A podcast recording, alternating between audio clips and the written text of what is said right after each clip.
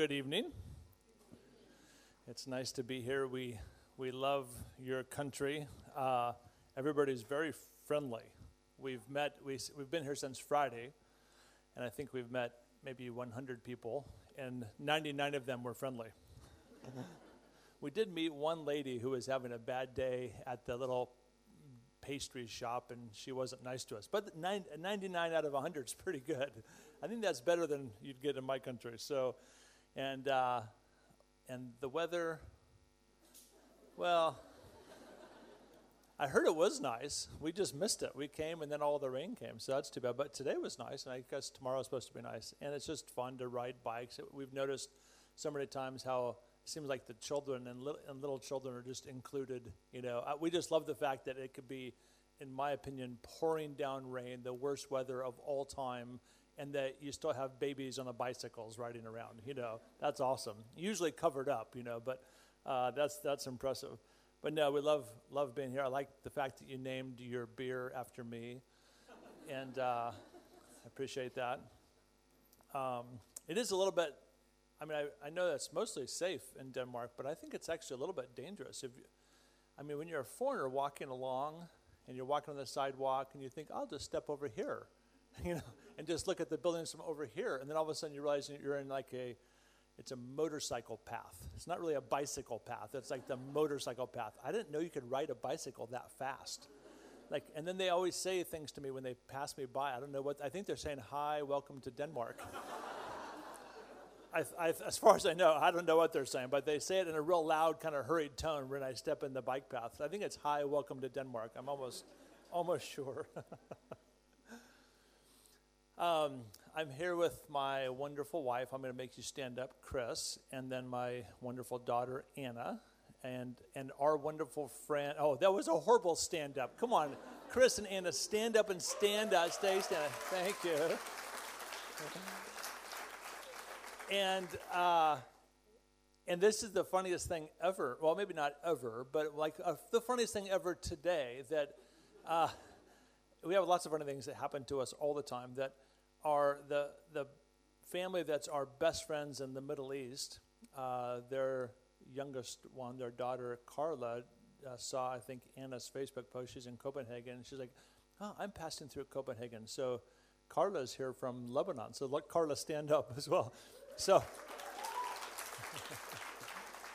she's, uh, I, we, we joked before I leaned over and said, you know, tonight I'm talking about how to uh, you know, welcome Muslims. And, and, and, she said, well, you can tell them that you welcomed your first Muslim right now, tonight. So there's a real live Muslim in the house. Don't tell, don't tell anybody. She's going to hold me accountable. You know, like, that's not true, Carl. That's not what we believe. So uh, anyway, it's fun to have Carly here. She's literally on her way to the airport to fly back um, here in about a half hour. She's like, she was trying to decide if she wanted to hear me speak or not.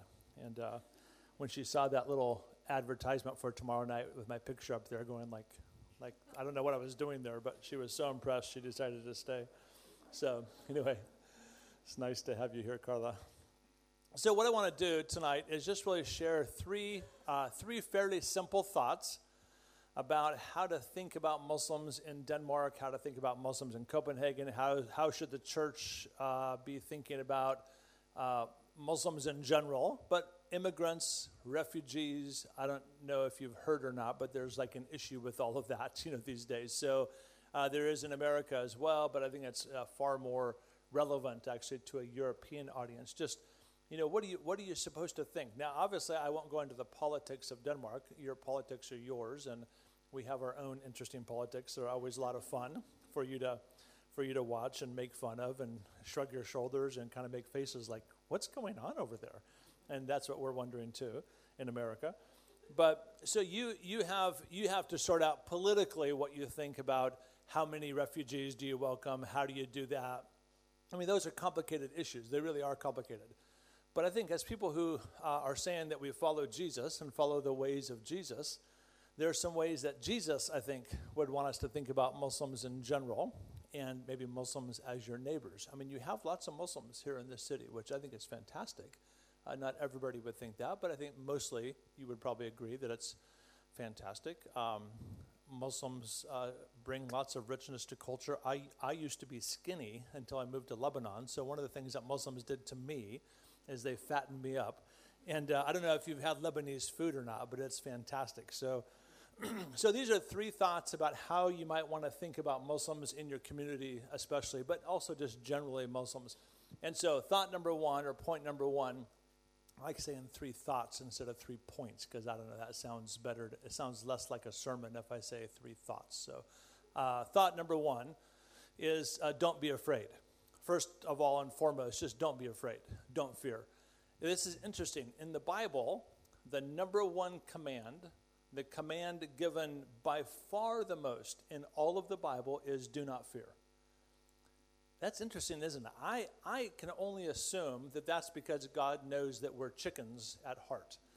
And he, and he looks down and he feels kind of bad for us. He knows that we're, made, we're afraid of our own shadow, we're afraid of death. Sometimes we're afraid of life, we're afraid of the future, we're afraid of not having a job, we're afraid of having too much of a job, we're afraid of marrying the wrong person. Then you marry somebody, and then you're afraid of who you married. And then, you know, we're just afraid of all kinds of things. I mean, not, not me but maybe some, maybe some of you. Um, we're afraid of all kinds of things. And so I think God knows that. God knows that we're uh, easily to be made afraid. And so he says again and again and again in the Bible, I mean, more than love God, more than love your neighbor, more than any other command, like times 10, do not fear, or fear not, or don't be afraid. Some version of do not fear. There's um, uh, there, there are psychological reasons. I mean, if you study psychology, the psychology of fear and what fear does to you, you'll realize that when you're afraid, when you become afraid of someone, you cannot make a clear decision. I mean, like literally, that's like a real boiled down, basic version of the complex psychology of that. But when you are afraid, you often make uh, really bad decisions. And I think even nations sometimes act and react, right, out of fear, and they make bad decisions. I think that's what the election is about this year in America is how can we make the worst decisions possible because we're afraid of something. We're afraid of Mexicans and Muslims and and uh, Democrats or Republicans or some, and then, then everybody plays off. It's really powerful in the media to play off of our fears. That's actually a really powerful thing to do. And so I don't know if your media does that here, but we do that in the States. And mostly around the world, media is good at playing on, on your fears. Um, this is, you'll see how this relates in a minute here, but uh, do, do you guys have Mormons? Do you have Mormons in Denmark? You do. Do they wear white shirts and, and uh, a tie? And they always go two by two.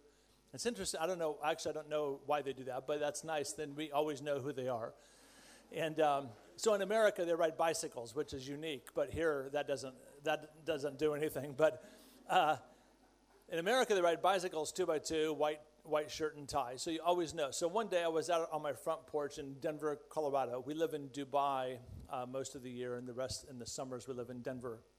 Uh, I don't know if you know, but Dubai is really hot in the summer. And so we prayed and prayed and prayed. We heard God tell us very clearly that we should live in Colorado in the summertime. so we said, Yes, Lord, we will do that. And so, um, so anyway, we're sitting on the front. I'm sitting on the front porch of our house in Denver, and uh, we live on a cul-de-sac, which is you know the, where the street ends and kind of goes into a little circle. Our house is right there, and uh, these two guys in white shirts and bicycles came riding and kind of jumped. They're like bouncing. They looked very happy, which is annoying because you're thinking, how can they be happy? And anyway, so they were doing that. They were so happy. And, and I was watching them go door to door to door, knocking on doors. Nobody was answering the door, but I knew there was people in there. You know, so I was like doing a little soci- sociology study in my head of why people don't answer doors when Mormons come. And then they, about three houses over, they saw me sitting on the front porch.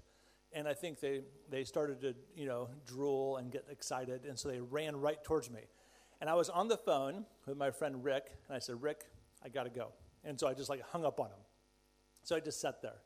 I was so happy to receive them. They were so happy to see me. They couldn't believe that I didn't run inside, that I waited for them. They came up and they started talking to me, and they started talking to me about Joseph Smith, you know, who's the prophet of the Mormons. And so they got about two minutes into their Joseph Smith talk, and I stopped. I actually went like this. I said, "Time out, time out." I said, I, I said, "Can I give you a tip?" And they said, "A tip? Like you know, not money?" You guys, you don't do that here, but we, but you know what it is. Uh, a, a, tip, like little advice. They said, uh, sure. I said, you know, if I were you with somebody like me, I would talk more about the guy on your badge. And they have these little, you know, badges with their names on it. And they both looked, they both looked down. They looked at their badge that said Elder Bob and Elder John or whatever. And I said, you know, you should talk about the guy on your badge, and then we'd have a common ground. And they still didn't get it. I said, you know, your church is named after this guy. And they go, what? They still didn't get it. Seriously, they kept looking. And I said, you know, it's called the Church of, it's not called, they're not called Mormons. It's the Church of Jesus Christ and Latter day Saints. Never mind that part because that, conf- that confuses me. So, the Church of Jesus Christ. I said, you know, the guy on your badge, I don't even have a badge that says Jesus Christ. I don't even have one of those. You have a badge that says Jesus. If you talked about Jesus, then we'd have common ground because I'm a Christian, I believe in Jesus, and you're Mormons, I guess you believe in Jesus, he's on your badge. And I don't know Joseph Smith, and you know Joseph Smith. And so when you have a conversation where one person knows all the information and the other person doesn't know anything, it's awkward. So if I were you, I would just talk more about Jesus. And they both went, Oh, huh. And I said, Let's practice. We should practice. I'm just helping you guys out. We should practice. I mean, they don't know me, of course, or they don't know why I'm saying this, but it's I'm having a little experiment with them, and uh, and and having fun, and it's true. And so I said, let's practice. So since you guys have the badge, uh, you go first. And they go, go first with what? I said, just say something that you know about Jesus. And then I'll say something I know about Jesus. And then you say something you know. And we'll go back and forth until we're done, until we've talked about Jesus, until there's nothing else to say. And they're like, they got real, their eyes got real big. they're like, oh. And I said, so you start. And there was like just silence and like, you know, awkward. And so then the younger elder, it's kind of funny, the younger elder said to the older elder, he said, Well, why don't you go first? And then he kind of, the older elder glared at him like, yeah, you know. and then they said, Well, we never did this before. Why don't you go first? I said, Okay. So um, I said, Actually, just this morning, I was reading in the book of Matthew where it says that if you're tired, Jesus will give you rest. If you have a heavy burden, you give him your burden and he gives you rest. Isn't that cool? And they're like, That's it? I go, yeah, because now it's your turn. Then I'll do it again. Then you'll do it again. So I'm, I said, I'm saving up. I'm saving up a little bit for for the next time for the next round, round two. And they go, oh wow. And I and I said, so like you're just tired. You're running, running door to door, door to door, and you must be tired. This is cool. Jesus says that if you ask, He'll give you rest. They're like, oh, uh, okay. Now what are we supposed to do? I said, now you just say something. They go, okay. Uh, well, we don't really know how to do this. This is confusion. And I said, Well, how about if we just do this then? How about if we just pray and we'll ask Jesus, the guy in your badge, to uh, give you some thoughts? They're like, Okay, we never did this before. Like they're completely off their script. You know, like they have a they have a script they're following. This is not it. and you know, meeting the strange guy who asks you questions about Jesus. This is not on their that's not on their book. And so I did. I I prayed for them, and they they actually both started to cry. I don't know why, but they, I mean, maybe, maybe, it was God or maybe it was just me, but they started to cry. And then they got nervous and, and then they said, well, we'll come back another, I said, come back again. Let's make an appointment. Come back again and then come back prepared to talk about Jesus. And I just think that's going to work better for you than Joseph Smith. And I said, by the way, like almost all those homes, there were people in there. I was just trying to like, you know, give them a little eh. And I said, They didn't open the door because they're afraid.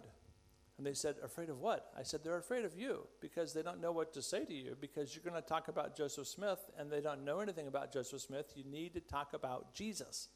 They're like, Okay, okay. and, then they, and then they left. And what's interesting, right after they left, uh, the couple straight across who are believers who love God came out. And the, lady, the, the wife said to me, She goes, Wow, where did you, I saw you talking to them. She like acted like they were from Mars. I saw you speaking to them. What did you say? And I said, I, well, I said what I say to everybody. I talked to them about Jesus. And I, I said, why, by the way, why didn't you answer the door? She said, I, I didn't want to answer the door because we were afraid because we don't know what Mormons believe. And I said, that's strange. What is, what does having to know what Mormons believe have to do with you opening the door to be nice? Isn't that interesting? So back to Muslims. I hear people all the time say, I would talk to that lady in the hijab, the lady with the head covering, but I don't know what to say to her. Okay, write this down. First of all, you say, Hi. You're not writing that down.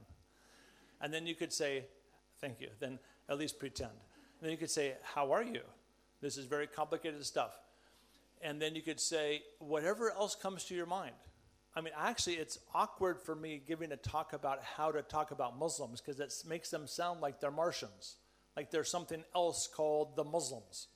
There are people exactly like you are. All the Muslims we know want to have a better job, they want their kids to have a better education. They send their kids off to Paris and London, like Carla, and get educated there in the States. She went to the University of Virginia. That's where her Muslim family sent her to get educated, and now she's uh, in London working right now at a bank. I mean, every Muslim I know is like that. They're trying to figure out exactly what you're trying to figure out. Can they afford to buy a new car? Can they afford the monthly payments, or do they have to save up and pay cash? These are what Muslims think about.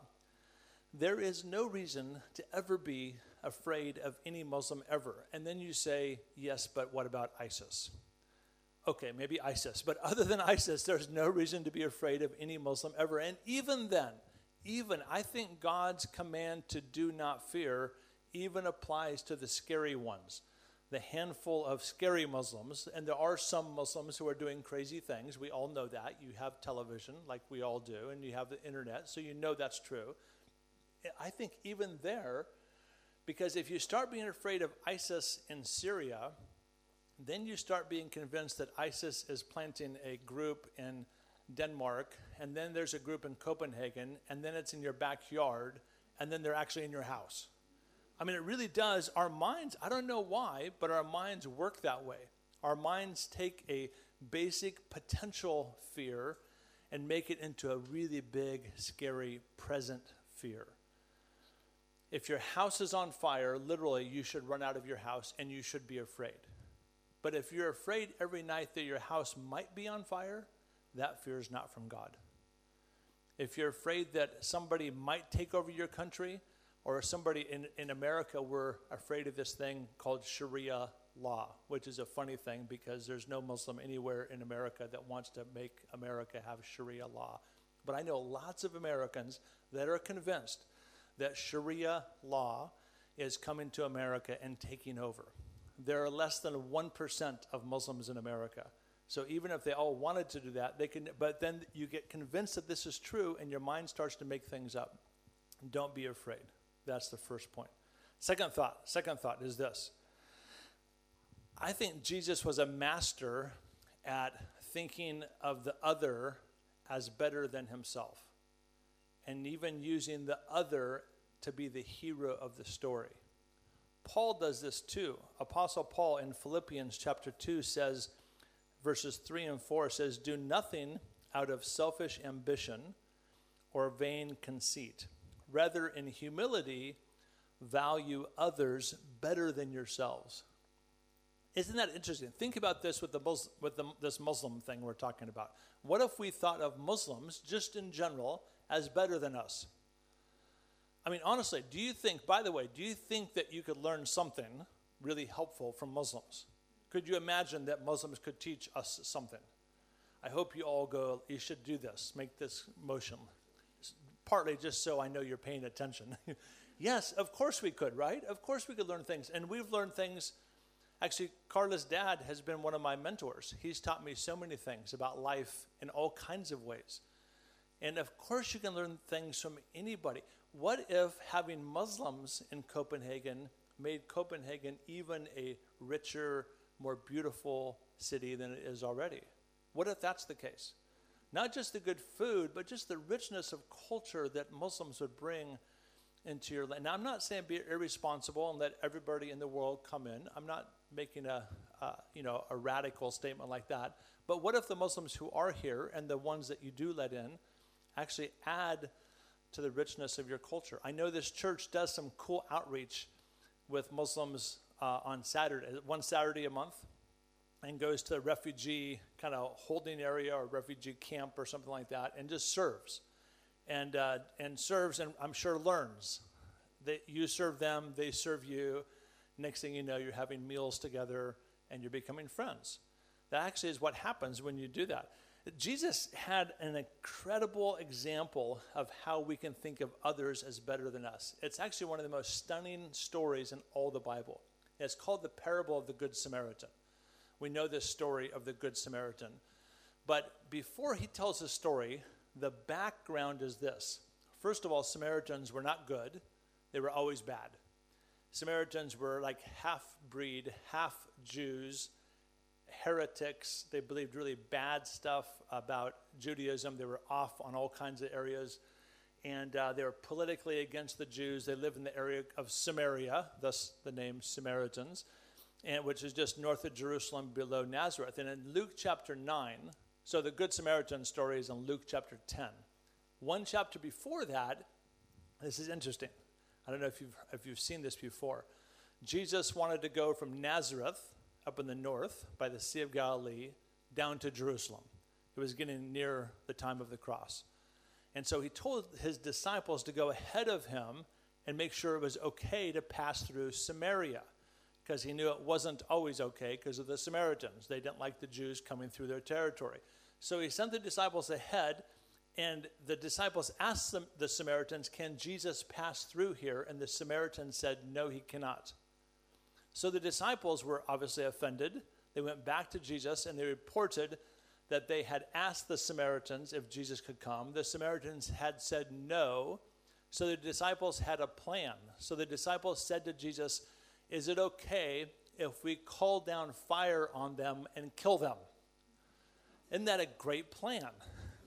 From the disciples of Jesus. They obviously were getting the point really, really well. And Jesus said no. Isn't it interesting? By the way, just in case you're wondering, Jesus said, "No, no, no. We don't call down disciple. We don't call down fire on other people and kill them."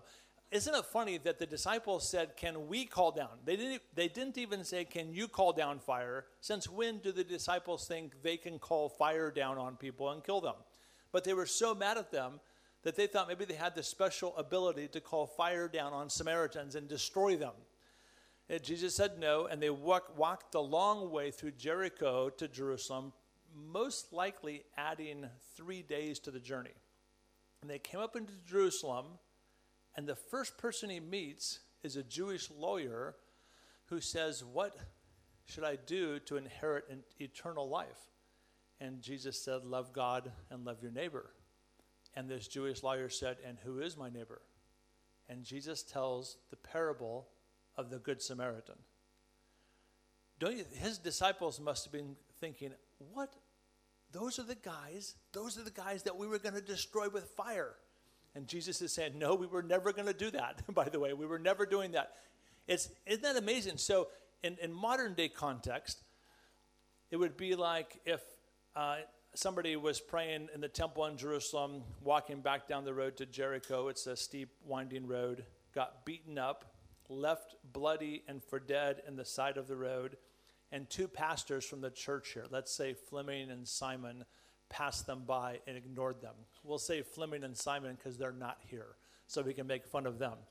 So Fleming and Simon saw the guy almost dead on the side of the road, walked to the other side of the road because it was awkward, because they were afraid uh, who knows why? Because they didn't want to be made unclean again by touching a bloody man. Maybe that's why.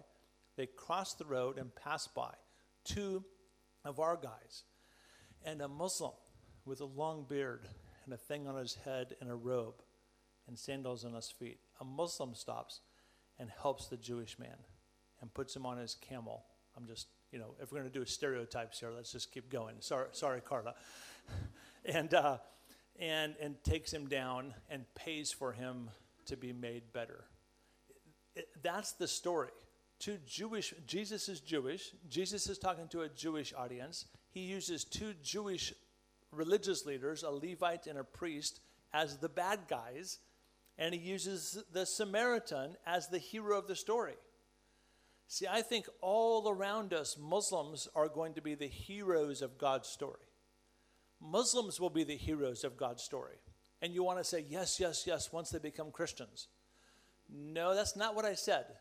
Muslims will be the heroes of God's story, and it will confuse you if we're not listening to what God actually says. If we misunderstand the kingdom of God and think it's uh, provincial, that means small. Small, if it's just ours. See, it's tempting in America to think that God's kingdom is for America. It's tempting in Denmark to think God's kingdom is for Danish people. Every country, by the way, this surprised me when I first started traveling, I was surprised that every other country thought they were the greatest country in the world. That was so confusing. No, no, haven't you been to America? We're, we're obviously, and we're making it great again. sorry, I just can't, I can't resist that kind of, I just can't, I can't, uh, sorry, that's not nice. That's actually a bad joke, isn't it? Um, but it's, but it's true, isn't it? Every people group, every, every nation thinks that they're the greatest in some ways. And maybe they are. Maybe there's 250 greatest nations in the world. Uh, seriously, maybe there's 25,000 greatest languages in the world. If you speak Arabic, you call it uh, you call it the language of God. It's God's language. I mean, but Ted knows that actually Texan, Texan is God's language, right? That's the language of God. It's from Texas, and so we all we all tend to think that. But what if we thought of others as better than ourselves. And Jesus gives such a powerful example when he uses the Samaritan, the bad guy, as the hero of his story. Third thought. Third thought it's Jesus himself that builds the bridge with Muslims and Christians. It is not, listen carefully, it is not Christianity. Christianity doesn't build the bridge with Muslims if you want to have productive spiritual conversations with Muslim friends, if you lead with Christianity and the cross, maybe the physical cross or picture of the cross or something about the cross, what traditional Muslims will think of immediately is the Crusades. Remember the Crusades? They were like a thousand years ago, this awkward point in our history where we went marching off to Jerusalem to conquer it back from the Muslims who stole it from us. So we're going to kill them and get it back. As if God had anything to do with that. Anything at all. I think they were the most godless uh, acts, maybe in history. And because of that, this is interesting. Up until about the year 1000, there were many Muslim theologians, many Muslim religious scholars who believed Jesus died on the cross. There are actually many Muslim scholars that believed Jesus. If you know anything about Islam, there are a couple of big differences, right? And one of them is that most Muslims do not believe Jesus died on the cross. Well, it's interesting. If you study Islamic history, you will find many Muslim scholars who did believe Jesus died on the cross up until about the year 1000. After the Crusades happened, no Muslim scholar ever since then has ever said Jesus died on the cross because they've been so offended by the cross. It is, it is so important we do not lead with our religion if you want to build a bridge. Now, if you don't want to build a bridge and prefer to build a wall, then we can lead with our nationality, we can lead with our religion, we can lead with, you know, I'm an American, I'm a Christian, Christianity is better, you know, and then you have a fight back and forth. Christianity says this, Islam says this. Christianity says this, Islam says this. If that's what your goal is, I don't know why it would be, but if that was your hope, then you could have a great argument for a long time. But if was that the Lord speaking? Yes. Oh, that good enough? Oh, yes. Yes. Yes. Yes. Say, say which thing? Yes. Yes, I agree.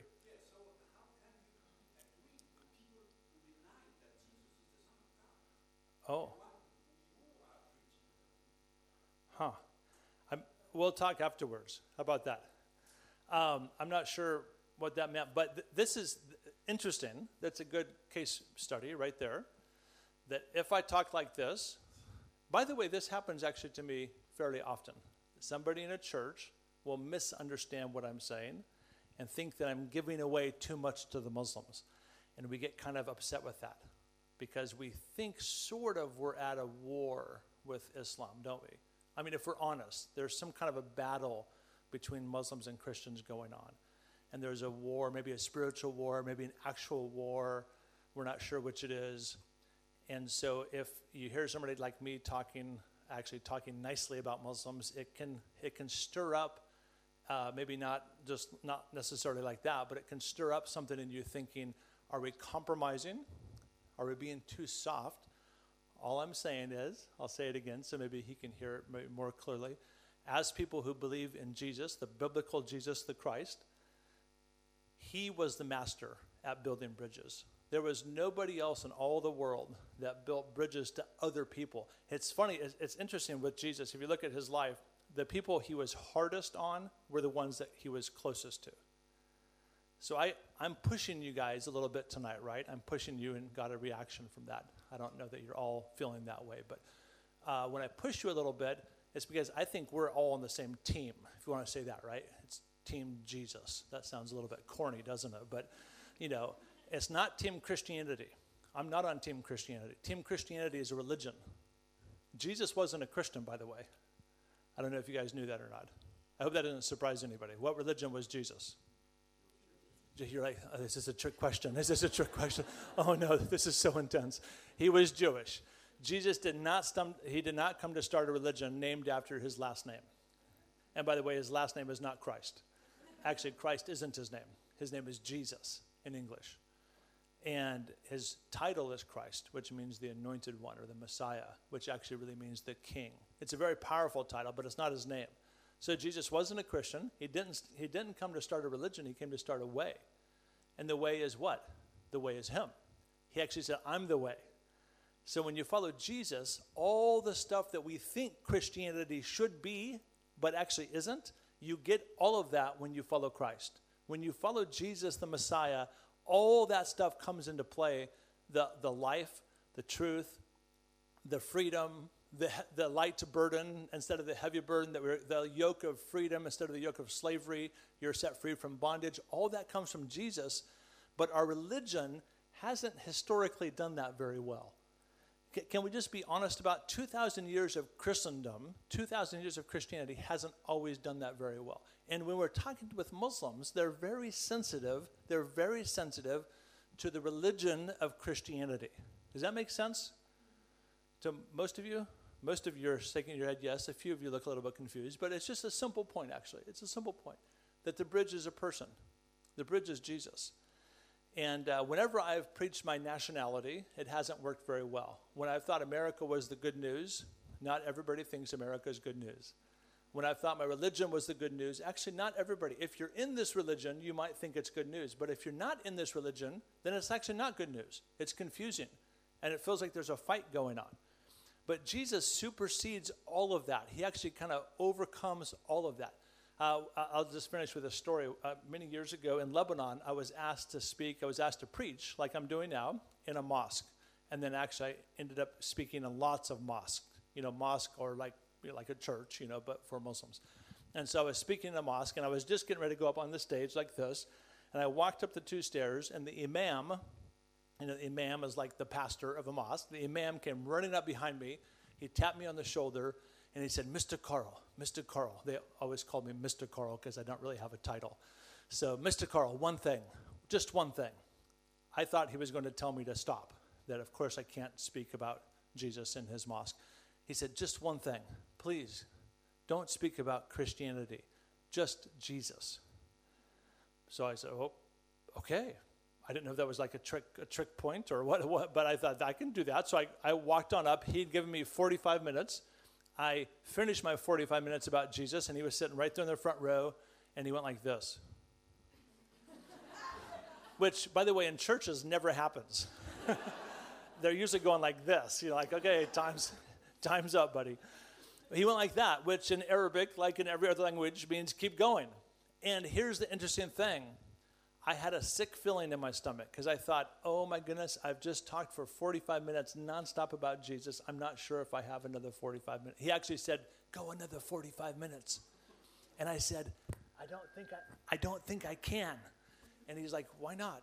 And I was like, oh, I can't tell, I can't tell him because I don't know 45 minutes more of Jesus. So I, I don't know, I think I made something up. I mean, I don't know what I did. And then I just kept going. And I said some more things that were about, and actually, isn't that a horrible feeling? I'm the speaker guy. I'm a professional Christian guy. And I got the Christianity thing down. If he had said, Could you please talk 45 minutes more about doctrine and theology, I could have easily done that. But he didn't say that, and I was his guest. He said, Talk 45 more minutes about Jesus. Could you, if you were given this, if it was open mic night tonight, and I handed you this microphone and said, Ready, go, an hour and a half straight about Jesus, not about the church, not about our religion, not about the vineyard. As good of all as good as all of that is, I'm not saying any of that's bad. Not about doctrine. Doctrine is fantastic. Theology is wonderful. But it's not about that. Just about Jesus. Could you talk for 45 minutes or 1 hour or 2 hours about Jesus? I I couldn't.